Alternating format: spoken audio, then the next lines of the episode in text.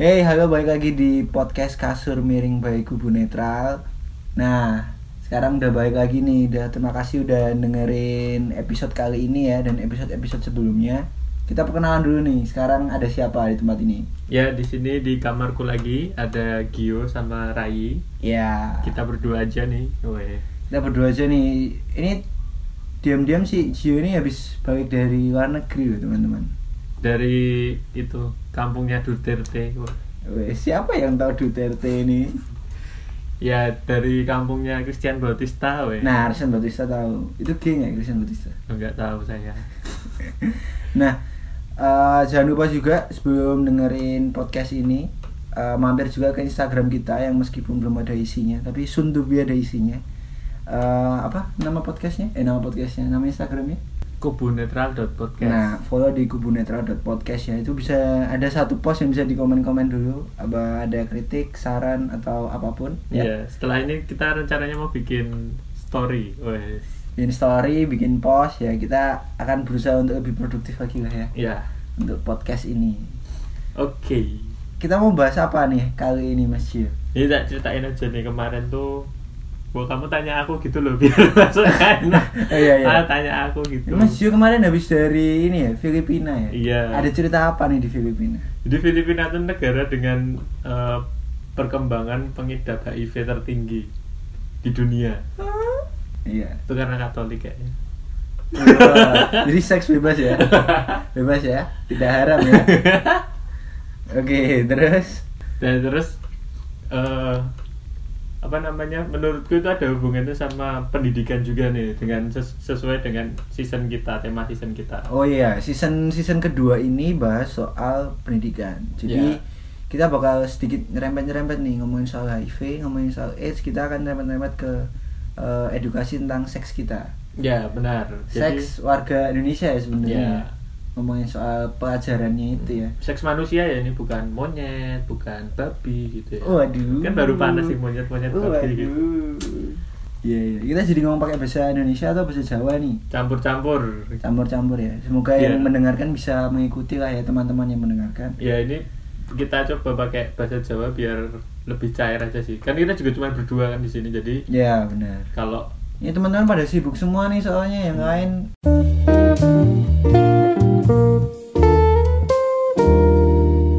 Jadi kemarin tuh itu ya HIV di Filipina tuh tinggi.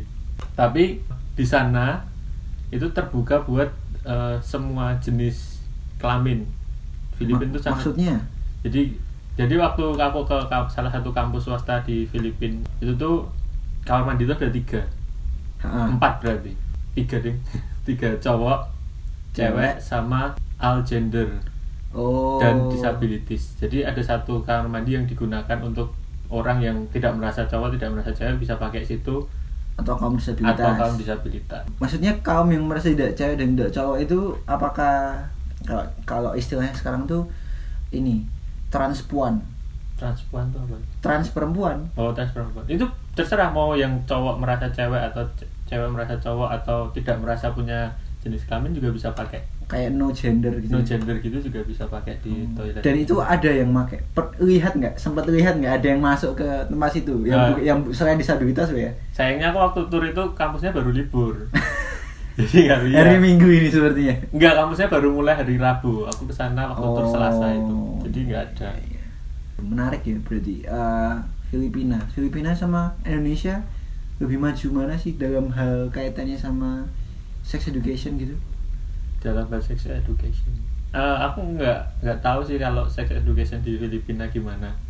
Cuman aku kemarin tuh di sana sempat cerita-cerita sama itu delegasi dari Taiwan.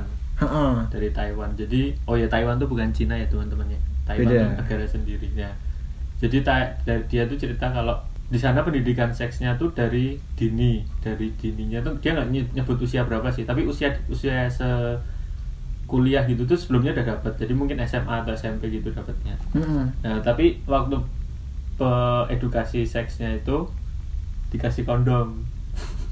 Ya, oh, aku pernah dengar ini. Ya, nah, terus terus eh, ini nyambung sekalian sih. Jadi temanku yang di Jerman dulu yang kuliah di Jerman, sana juga model sex edukasinya setelah pemberian penyuluhan gitu tuh juga tetap dikasih kondom dulu terserah mau dipakai apa enggak jadi mungkin mereka tipenya sama ya eh, model penyuluhan edukasi seksualnya. Cuman eh, sebenarnya agama mereka tuh juga melarang. Di sana kan mayoritas Buddha Buddha Katolik terus Ya, yang Taiwan ya ini ya? Taiwan Taiwan. Mayoritas tuh Buddha Katolik terus Hindu apa ya kalau nggak salah. Oh Islam sorry. Buddha Katolik Islam. Nah Oke. di sana ketiga-tiganya agama mayoritas itu tetap melarang sebenarnya.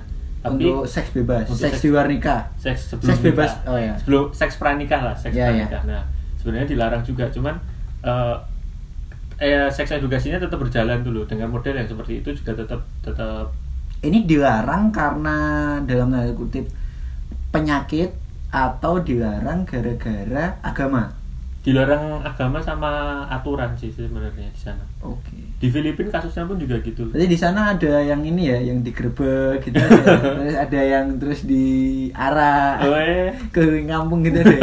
tapi nggak ditanjangi kayaknya ya ini ini sebenarnya mirip sih sama sama sama pengalaman temenku. Tapi aku tahu cerita ini karena eh, temenku ini ada yang pernah eh, SMA-nya. Mhm. Jadi dia SMA-nya ngambilnya di luar negeri, ngambilnya itu di Norway, Norwegia. Oh, Norwegia. Nah di Norwegia ini memang eh, apa ya se- ya seks di luar nikah itu nggak nggak nggak tabu ya. nggak tahu Jadi mereka pun ada pelajarannya dan itu tadi dikasih kondom juga dan pelajarannya itu justru masang kondom itu pelajaran itu pelajaran atau seks edukasi yang bentuknya kayak itu itu seks pelajar itu pelajaran seks edukasi. Oh, oke Gitu. oke.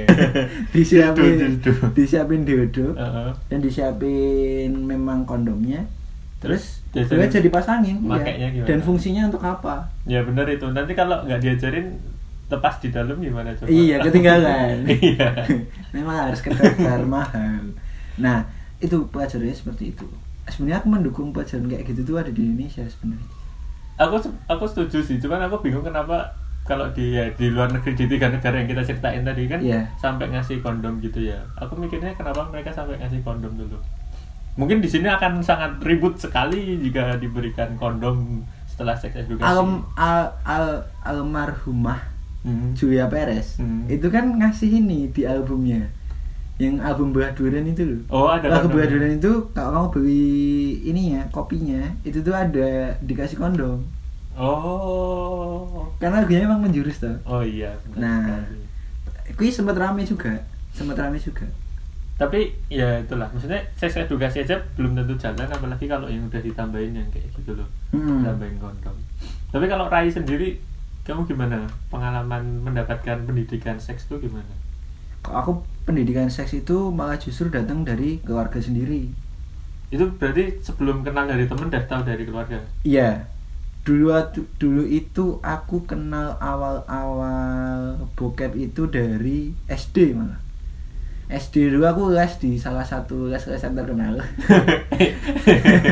Dan- Apa, kan sekarang udah gak terkenal Masih terkenal, Bro. musik atau bukan Bukan les-lesan pelajaran.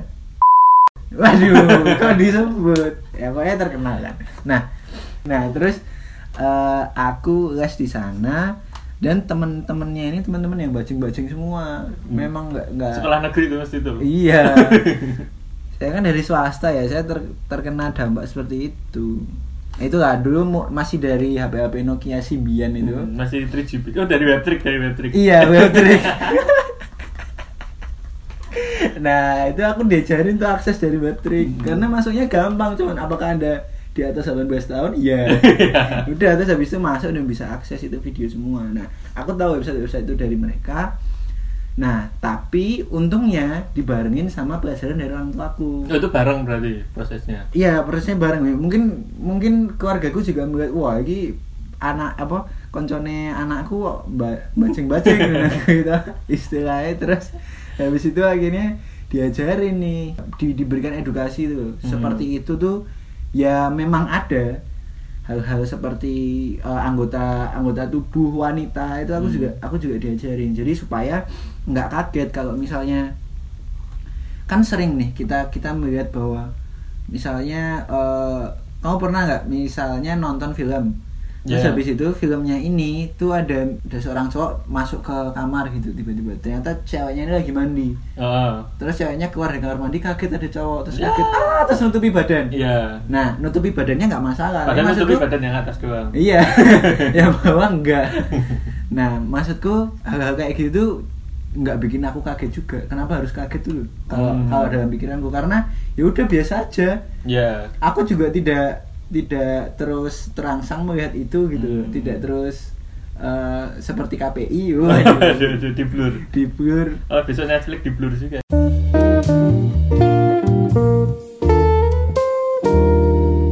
itu aku jadi tidak aku mulai dari SD itu udah udah enggak anu sama misalnya eh ah atau kayak gini misalkan ada scene ciuman Hmm. terus habis itu matamu ditutup sama kakakmu atau Aduh, matamu aduh. ditutup sama bapak ibumu gitu jangan nggak boleh lihat nggak boleh lihat Di pos kalau aku. atau di pause atau di skip malah atau malah dimajuin filmnya kayak gitu nah nek aku udah enggak dalam tahap yang seperti itu dulu pas kecil aku tahap yang ya nggak apa-apa justru ketika dalam mindsetnya orang tuaku ya mungkin ketika kamu sedikit tahu itu kamu justru malah semakin mencari tahu Hmm.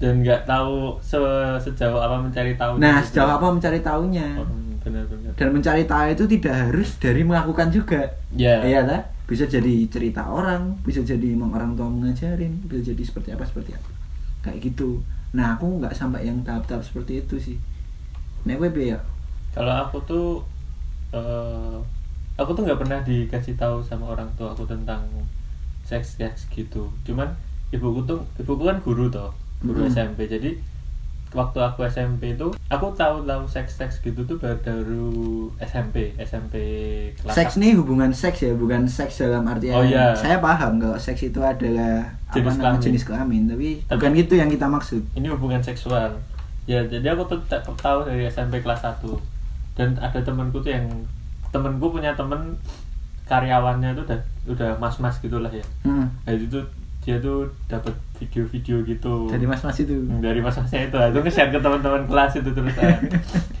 nah terus t- aku tahu duluan dari temanku sih.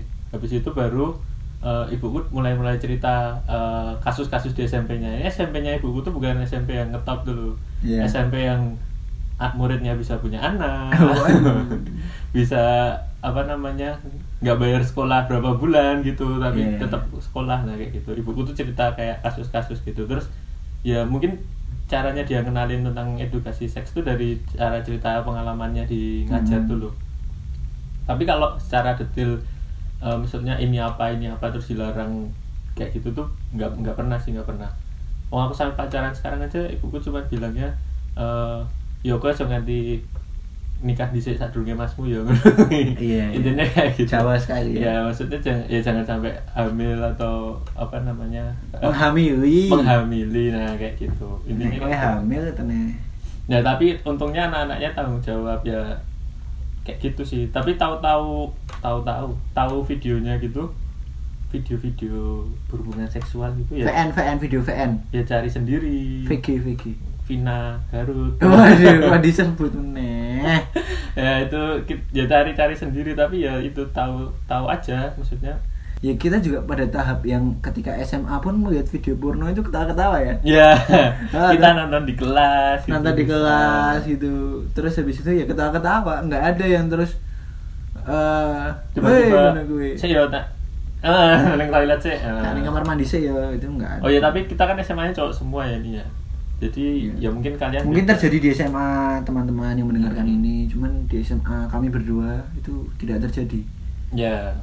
wadah yang ketahuan masnya Oh iya. Bapak E. Bapak E.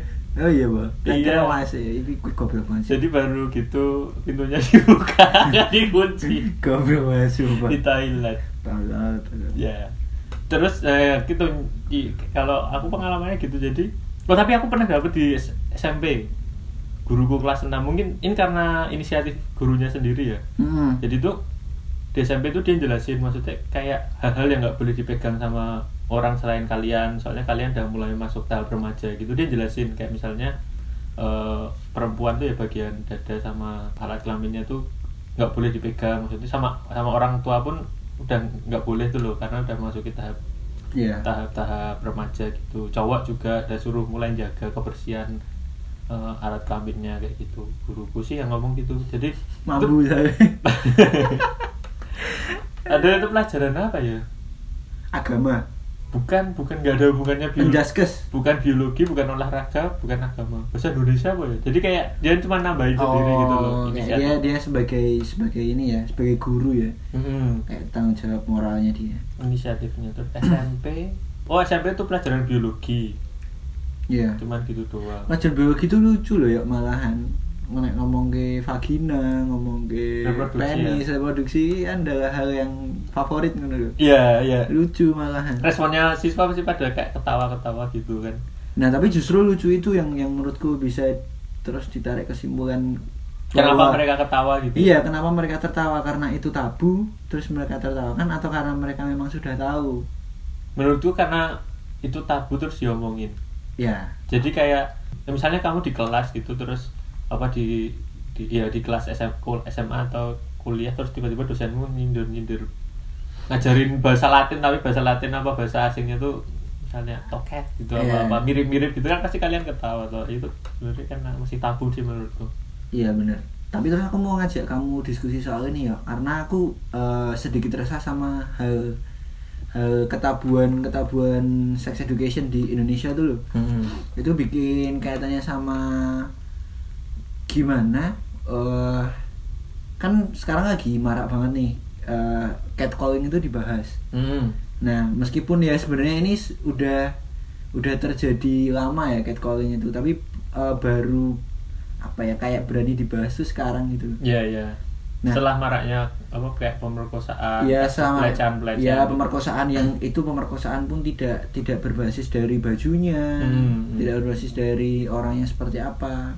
Nah, menurutmu apakah ketabuan tentang sex education itu tentang keta apa ya ke tingkat taunya warga Indonesia ya khususnya sama edukasi tentang seks itu mempengaruhi orang-orang yang terus berkelakuan kaitannya sama catcalling atau yang yang melecehkan perempuan lah misalnya kalau cowok-cowok Kalau menurutku tuh mungkin ada hubungannya, mungkin ya mungkin ada hubungannya.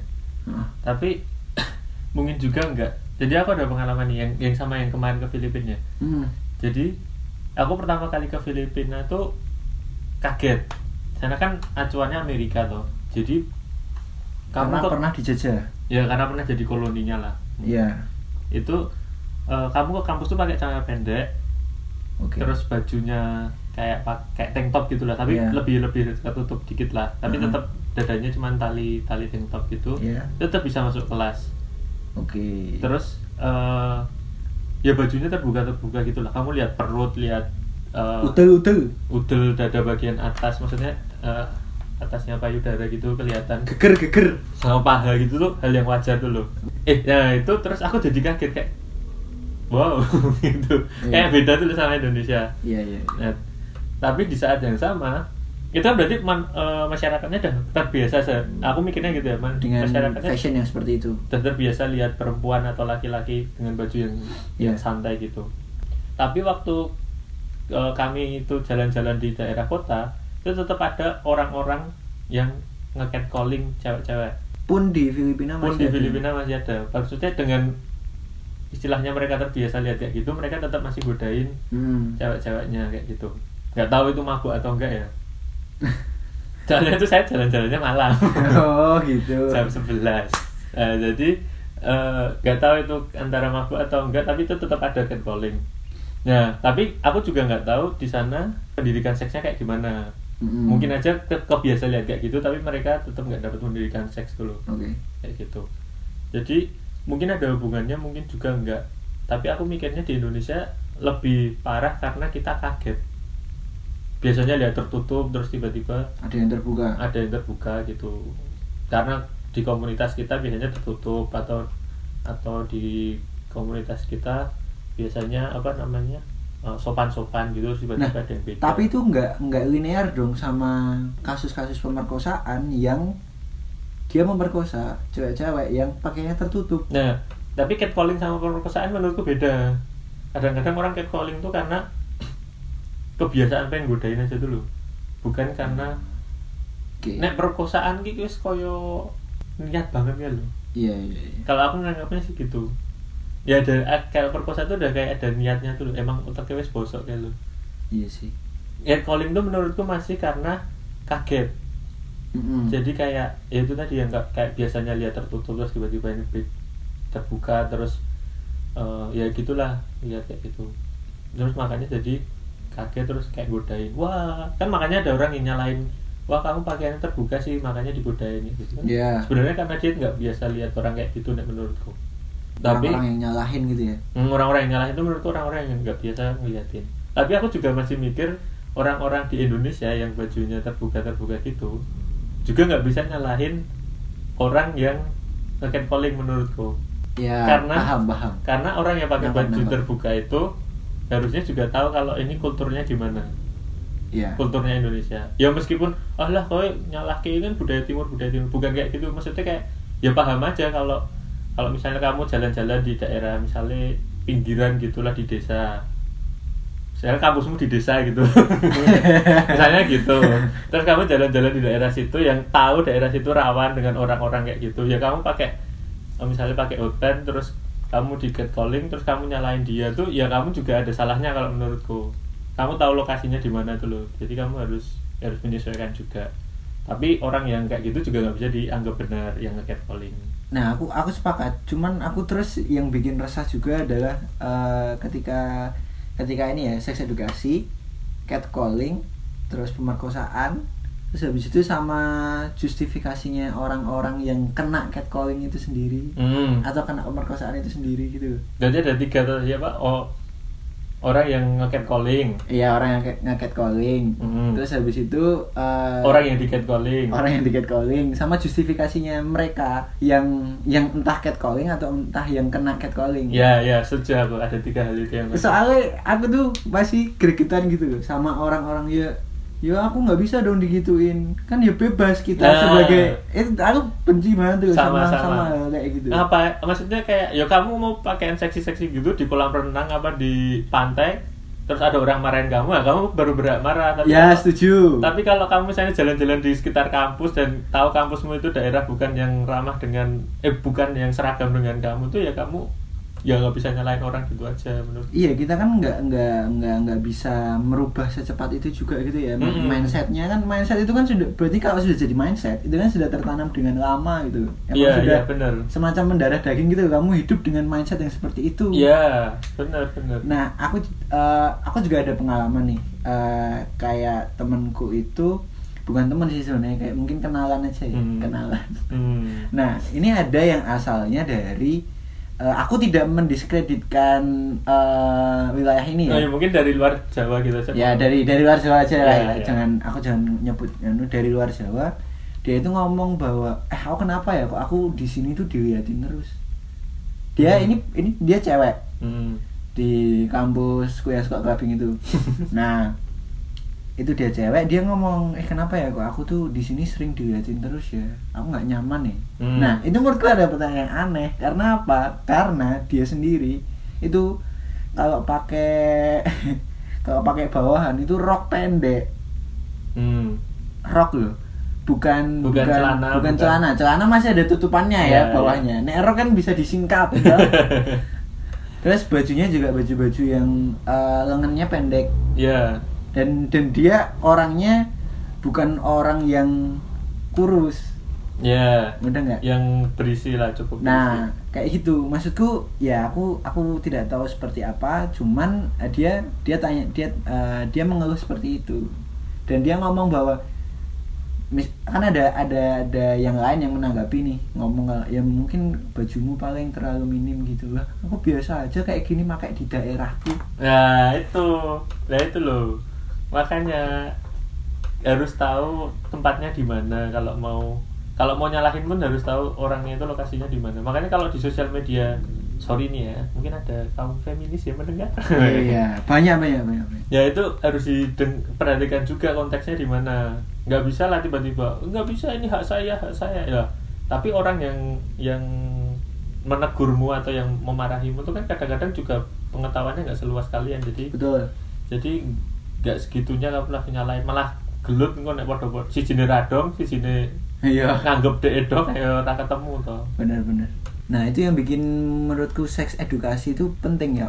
Ya eh gimana ya? Aku Biar- susah ya menjabarkan. biar pengetahuannya serah dasarnya sama semua gitu. Ya ya at least tuh mereka bahwa ya memang kalau kalau mau ngomong Indonesia itu berbeda-beda Hmm. tetapi tetap satu jua yo hal-hal seperti itu harus diterima juga. Ya maksudnya kayak podo-podo lulus SD kayak gitu Ya, ya, istilahnya gitu. sama kalau mau Istilah- diskusi juga setidaknya pada paham gitu. Iya istilahnya ada fondasinya dulu. Nah fondasinya itu adalah biar cowok-cowok itu gak ngacengan gitu loh. Ya ya. Melihat hal yang kayak gitu kok terus ada keinginan tergelitik untuk ah ah asing shot baru gue Iya, iya. Wuhu. kalau kalau menurut katanya Panji kamu dan kalau di Belum, belum. dia bilang eh, orang yang suka apa catcalling Mm-mm. itu tuh sebenarnya playboy yang nggak punya eh, talent atau kemampuan untuk jadi playboy. Oh maksudnya nggak nggak bisa kayak ngerayu Ya dia nggak punya cara cara elegan untuk bisa ngerayu terus gitu. Mungkin ujung-ujungnya sama kayak playboy yang misalnya kayak bisa pacaran gitu ya. Misalnya tujuan akhirnya sama-sama pacaran, tapi yang ini tuh kayak mau nggak jadi pacarku kayak langsung ngomong langsung loh. Padahal Iya, iya, belum iya. kenalan, belum PDKT. Nah, Iya, sisi iya, iya, satunya tuh tahu cara untuk mendekati dengan yang elegan, eh dengan elegan kayak gitu. Nah jadilah laki-laki yang classy ya Classy. bisa mendekati cewek itu tidak tidak dengan langsung seksualnya Iya benar benar dengan interestnya iya justru hatinya dulu sama suka apa gitu kan. iya makanan favorit Mm-mm. minuman favorit Es teh.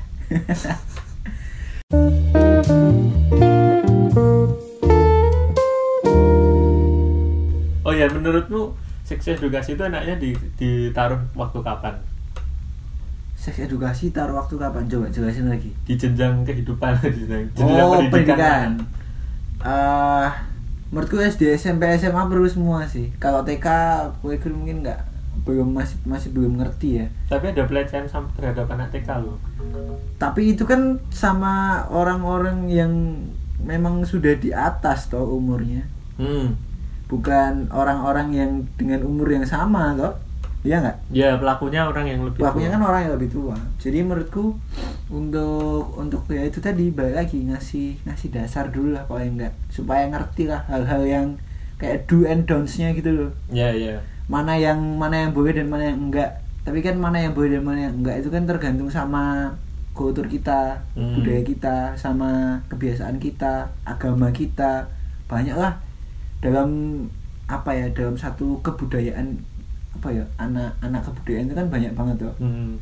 ada yang dari agama ada apa apa apa itu kan you name it lah nah itu kan juga pasti ada do and don'ts-nya masing-masing Ya ya. nah gimana bikin itu seimbang gitu loh Ya, dan apa? Ya dan menurutku minimal tau lah kalau ini ketemu ini jadinya anak itu atau atau apa namanya kalau kamu nggak mau digituin eh kalau kamu belum bisa tanggung jawab ya jangan ngelakuin seks dulu kayak gitu. Hal-hal yang bukan yang maksudnya bukan yang bukan bukan yang langsung larangan dulu. Jadi kayak bentuk pengetahuan dulu lah minimal. Iya. soalnya kalau larangan kan tiap budaya bisa beda-beda kayak di- tiap agama juga beda-beda kan Hmm. larangannya. Benar-benar. Apa yang harus di ada dalam misalnya kurikulumnya ya? Kalau menurutku sih kayak pengetahuan ini ini vagina. Ya, ya maksudnya kayak apa gini gini anak nggak maksudnya kayak tahu ini apa fungsinya Iya. apa.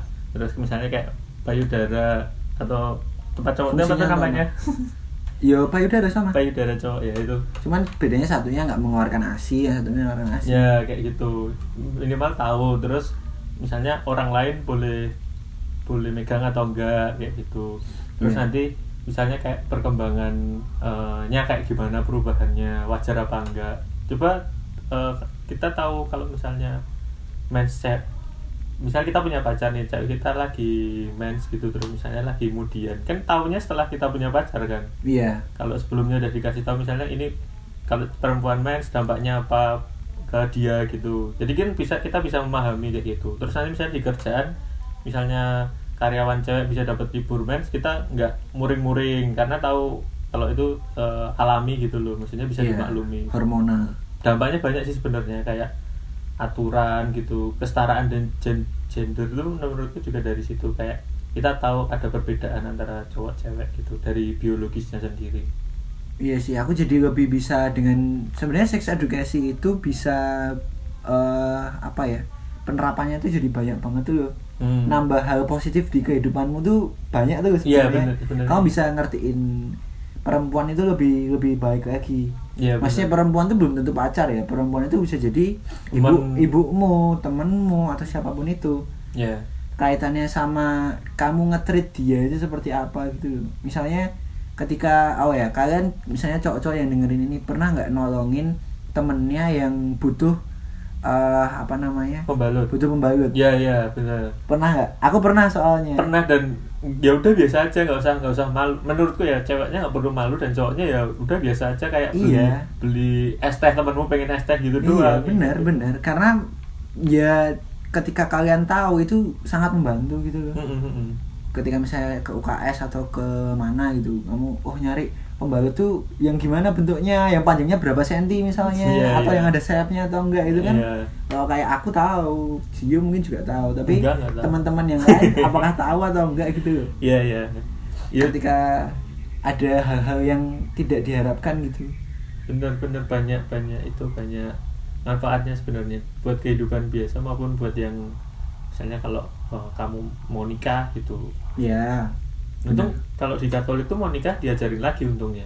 Di pendidikan Eh, ini pranikahnya ya? pendidikan pranikah tuh sampai ke seksualnya juga diajarin. Nah kalau misalnya ya nggak dapet kayak gitu misalnya atau misalnya kamu udah hamil duluan sebelum sebelum nikah atau dalam pembekalan kan ya minimal udah tahu gitu loh sebelumnya kalau oh ya nonton film dua garis biru untuk tahu. Oh iya itu bagus. Itu bagus itu filmnya itu eh, sebuah gebrakan film Indonesia yang ngajarin tentang tabunya seks edukasi di Indonesia ya. Mm-mm. ya jangan jangan sampai kayak gitu lah. Ya. Oh ya ini jadi eh, kemarin tuh selain aku dapat info tentang HIV Mm-mm. di di di Filipina aku kan juga cerita-cerita sama temanku yang Taiwan. Ya meskipun di sana tuh dilarang untuk seks sebelum bukan dilarang sih ya dilarang atau tidak dianjurkan gitu ya sebelum nikah tapi itu sebenarnya keadaan negara-negara lain tuh sama kayak Indonesia tuh loh. Ya remajanya juga pada kepo-kepo gitu terus ngelakuin sendiri sebelum sebelum nikah Iya. gitu. Karena menurutku seks tuh eh, kebutuhan manusia tuh loh. Kebutuhan biologis alami. Kalau katanya Panji itu kalau kayak kita kebelet pipis kalau kita kebelet pipis nggak ada toilet kalau udah pengen banget kan ya tetap digancingin sembarangan gitu kan. Iya. nah seks tuh kayak gitu sebenarnya kalau kita udah kepengen kebelet banget terus eh, kayak udah nggak bisa kontrol kan juga terpaksanya disalurin gitu kan.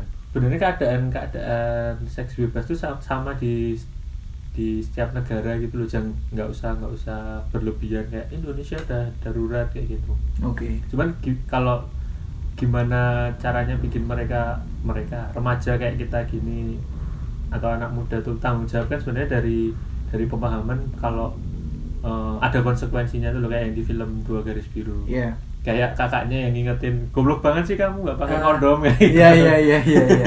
Benar benar. ya kayak gitu maksudnya sesimpel sesimpel misalnya pakai kondom itu kan juga pengetahuan sebenarnya Bahkan sesimpel beli kondom aja malu kan. Ya itu. Oh, oh bukan masalah malu juga. Respon dari kasirnya juga itu salah satu. Harus diajari juga. eh, Salah satu dampak dari seks edukasi menurutku kayak nggak menganggap harusnya menganggap wajar aja tuh loh. Kenapa dijual gitu ya? Kalau kasirnya kayak gitu. Oh ya kalau kasirnya sinis gitu ngapain dijual? Oh makanya aku setuju sama kasir yang udah nggak ada manusianya. Yang itu loh, nge-scan sendiri. Ada kok. Ada di luar negeri tapi Oh nggak tahu kalau di sini. yang kayak Walmart Walmart kayak gitu kan Oh. udah nggak ada kasirnya nggak ada nggak ada mbaknya jadi nek beli kondom ya wis langsung cepet raket ngono kuwi langsung dibayar kan kondom Tapi kalau di apotek katanya itu kok dibungkus pakai kertas. kalau itu kulo jadi jadi kayak karena biar gak malu gitu menurutku lo yang profesional tuh yang di yang di apotek gitu ditutupin kertas Mm-mm. oh karena mesti orang-orangnya bukan. Staffnya yang profesional. Iya ya iya, lebih kan? lebih paham tuh nah itu kan salah satu dampaknya mungkin karena dia farmasi kuliah ya, S1 ya, ya. gitu kan. Kalau yang di misalnya minimarket supermarket itu kan akhirnya juga nggak tahu level level pengetahuan pendidikannya, pendidikannya seperti, seperti apa kayak gitu.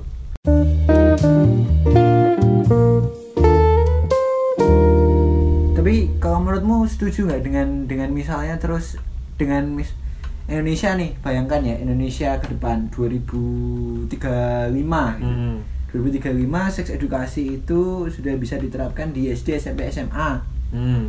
dan terus uh, timbul kayak kayak apa ya kebiasaan untuk misalnya udah serumah sama pasangannya serumah Hmm. sama pacar deh Hmm. itu kamu akan setuju atau enggak Kalau sekarang aku nggak nggak setuju, karena?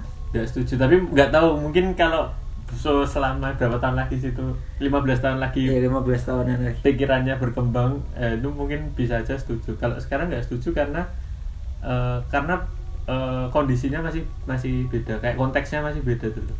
Orang tua kita ngelihatnya masih itu hal yang salah. Oke. Kalau kita ngelakuin itu kayak mengecewakan orang tua kayak gitu kalau aku menurutku kembali ke orang tuamu sih. Kalau orang tuamu dan pasanganmu masih masih nggak mengizinkan ya tetap nggak bisa. Tapi kalau orang tuamu dan pasanganmu mengizinkan ya udah lakuin aja kayak gitu. Tapi kalau di masyarakatnya aku sih lebih prefer bodo amat sih ya. Iya. Aku aku lebih setuju hukum yang sebenarnya masih berlaku sih. Kalau kamu seks sama pasanganmu dan kalian sama-sama nggak ada paksaan kan sebenarnya nggak bisa dihukum. Betul nah aku masih setuju. Dan hukum itu masih berlaku sampai sekarang. Jadi kembali ke orang tuanya kayak kecuali kamu nyulik pacarmu gitu. Nah itu otomatis salah. Tapi ada gak budaya yang justru harus diculik. Oh ya Iya kan? iya. Itu seru sih. Maksudnya maksudnya diculik di sini tuh orang tuanya nggak setuju. Bukan karena karena budayanya juga nggak setuju dulu mas. Iya benar kalau kamu gimana? Setuju nggak? Kalau aku kok melihatnya setuju. Karena untuk saat eh, ini loh maksudnya untuk saat ini? Aku kan mau 2035 oh berarti ketika kamu di ketika 2035 Oh, ketika ketika itu semua sudah diimplementasikan Hmm. aku rasa aku bakal setuju. Kalau aku bisa 2035 15 tahun lagi umurku berapa oh aku udah jadi orang tua. Hmm. Nah, misalnya anakmu gitu kan. nah berarti. misalnya anak kita itu ya. Kok anak kita? Ah maksudnya anak dari masing-masing kita ya oke. Oh. anak dari masing-masing kita itu eh, misalnya udah udah udah punya pacar tinggal sama pacarnya Ket- ketika aku bisa melihat tanggung jawab itu dari anakku Hmm. aku tidak masalah kalau aku memandangnya anak itu ketika sudah sudah dewasa sudah sudah umur dewasa ya Berapa umur berapa tuh menurutmu berapa? umur ya yang di, yang dipandang dewasa Indonesia lah Dua 18 18. 18 lah nih aku. Iya, 18. 18 atau nih enggak usia kuliah deh Hmm. usia usia dia udah masuk kuliah Ya 18. 18-an tuh itu ya dia sudah menjadi pribadi yang bebas untuk dirinya sendiri sebenarnya. Maksudku udah udah bisa mutusi dirinya sendiri itu mau makan seperti apa gitu. Nah tapi itu dengan tanggung jawab juga kalau sudah memutuskan seperti itu ya hiduplah sendiri. Ya, ya tak ya setuju aku kalau tanggung jawab.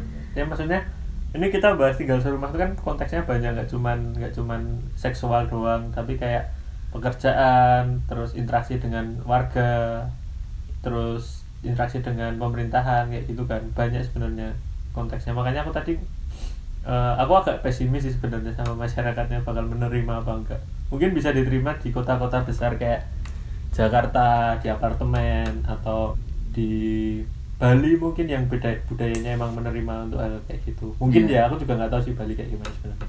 Itu baru bisa tapi kalau untuk untuk eh, daerah-daerah lain yang masih budayanya kental dan budaya itu tidak menerima eh, pasangan yang tinggal serumah sebelum nikah ya bakal sulit kayak gitu. Soalnya eh, kalau temanku yang di Taiwan itu dia udah itu udah berhubungan seks katanya sih gitu. Soalnya dia tanya kamu udah pernah belum? Langsung aku bilang belum. Terus aku merasa anjing jo.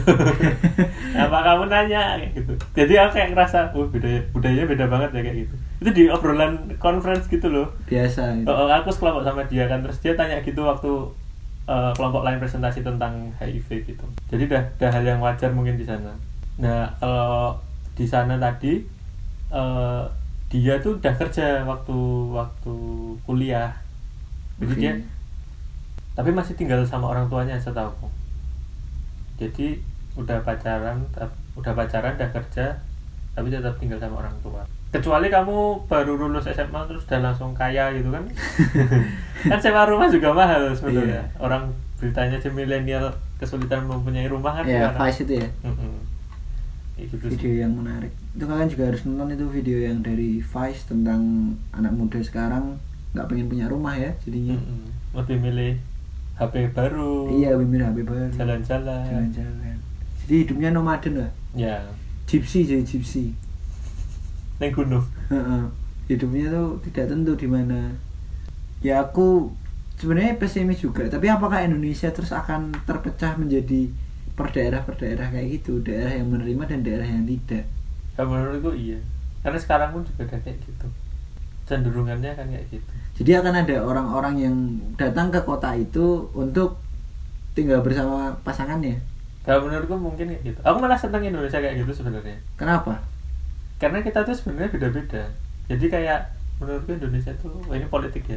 Lebih ke ne- negara ser- perserikatan tuh loh. Karena budaya kita beda-beda. Misalkan aja standar UN UN kan dibikin di Jawa. Iya benar pendidikan di provinsi lain kan beda kayak gitu. Itu itu baru UN loh maksudnya baru akademik. Belum aturan belum apa. Sebenarnya kan otonomi daerah juga udah lebih itu menekan menekan apa namanya standar yang sama dari pemerintah pusat, Pusat. Jadi emang paling juga kayak gitu. Tapi eh yang tidak bisa aku tolerir adalah eh nah penilaian-penilaian orang Mhm. terhadap eh, keputusan yang kita lakukan di kehidupan kita gitu Mhm. udah nggak ketika misalnya misalnya di 2035 tadi Indonesia kan akan menjadi Indonesia yang yang apa ya yang jadi agak terkotak-kotak dengan di daerah kota-kota besar itu eh, sah-sah aja tuh tinggal sama sama apa namanya pasangannya Mhm. Terus ada daerah yang menolak. Dan daerah ini terus akhirnya eh, kayak semacam terus mengharamkan daerah itu gitu. Kan bisa jadi seperti itu dengan oh, melarang ke sana gitu. Iya mengarang ke sana. Jadi ya kamu bisa nggak usah kota itu nanti kamu jadi apa? Nah, karena siapa tahu ada ada pikiran-pikiran seperti itu ditanamkan di dalam keluarga gitu. Tulisan akhirnya. Ya ya menurutku mah itu kembali ke keluarganya itu tadi. Kembali ke diri kita masing-masing ya? Kembali ke keluarganya. Selama dia merasa baik-baik saja dengan itu mah nggak apa-apa. Tapi caranya pemerataannya itu piye ya? Aku penasaran loh sebenarnya. Pemerataan gimana? Pemerataan dalam hal eh ya nggak apa-apa tuh.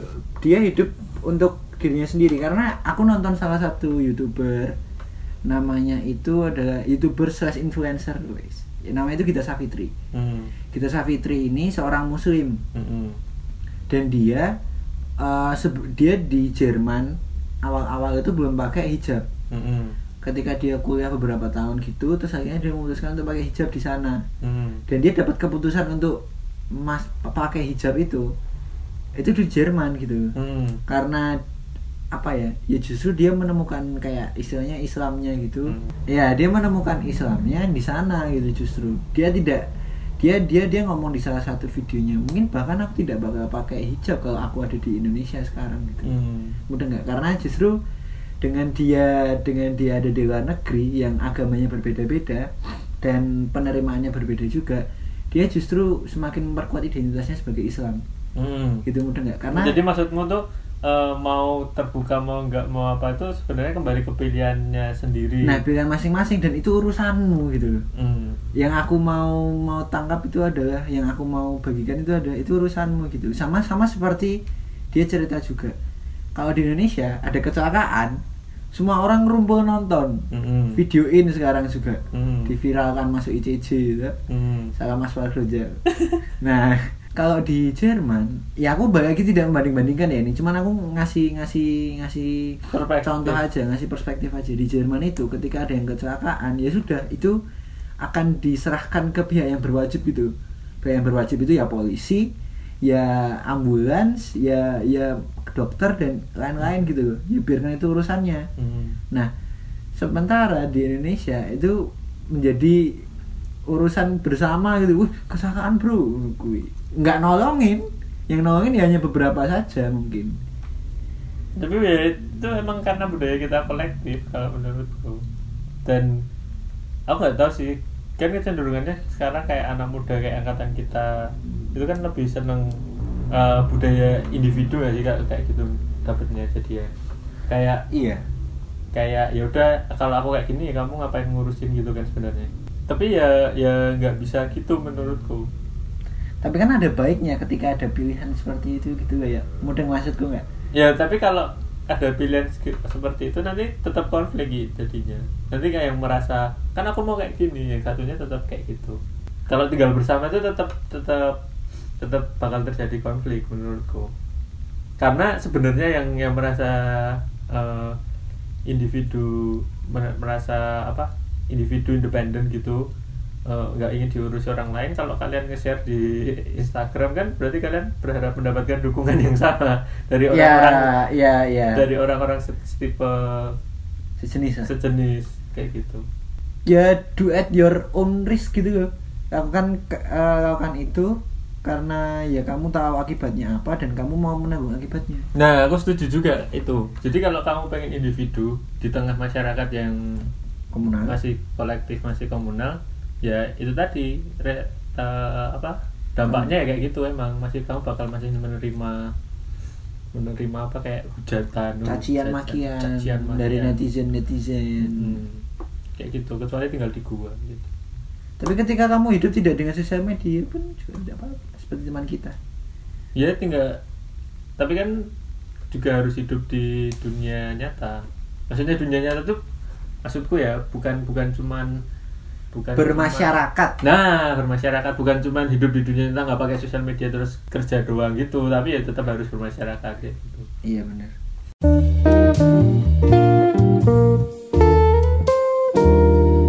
wah ini omongan kita tentang Ke mana-mana. seks edukasi mah ke mana-mana ya. ya memang memang implikasinya tuh jadi banyak banget yang kaitannya dari karena itu melibatkan manusia ya dan manusia Hmm. itu melakukan banyak hal jadi kita bisa ngasih kesimpulan nggak dari sini?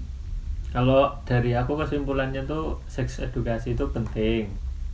Ya minimal yang sederhana kayak fungsi eh, reproduksi. reproduksi tanggung jawabnya terus dampak-dampak eh, biologis maupun non biologis ke tubuh kita masing-masing maupun tubuh lawan jenis kita. Mungkin bisa juga kalau mau berkembang lagi dikenalkan juga kenapa orang bisa LGBT kayak gitu tapi Iya. itu agak lebih jauh lagi sih gitu kalau dari aku Kalau dari aku, aku setuju juga kalau misalnya seks edukasi itu penting. Apalagi ada di SD, SMP sampai jenjang SMA. Mm-mm. Karena kita membuat hal-hal yang tadinya tabu menjadi ya biasa aja gitu. Kita tidak nggak kaget lagi istilahnya, nggak nggak shock, nggak terus tutup mata, nggak terus justru mencari tahu dengan hal yang lain. Karena mencari tahu atau kamu belajar itu tidak cuman bisa dari dirimu sendiri, Mm-mm. tapi kamu bisa juga belajar dari pengalaman orang lain. Kamu bisa juga menonton sesuatu, kamu bisa juga mendengar sesuatu, atau Hmm. kamu melihat sesuatu. Menurutku kayak gitu. Jadi eh sip Indonesia lakukan seks edukasi yang baik. Kalau bisa contoh negara-negara yang sepertinya bisa di apa bisa bisa ditilik gitu loh. ya dengan Bisa- konteks yang sama dengan kita gitu. Ya dengan mungkin dengan konteks yang sama dengan kita, kok bisa ya negara yang itu bisa menerapkan? Bisa nggak sih Indonesia ini meskipun negara Indonesia kepulauan agak kepisah-pisah, susah, Mm-mm, budayanya kental gitu budayanya kental banget. ya ya Ya, Oh iya, sip. Apa? Aku ada oleh-oleh nih dari sana. Coba kamu nonton di YouTube judulnya The Danger of Single Story nih oleh-oleh dari Filipina kamu nonton di situ. Tentang apa itu? Tut, tonton aja udah. Oke. Okay. dadah. Dadah.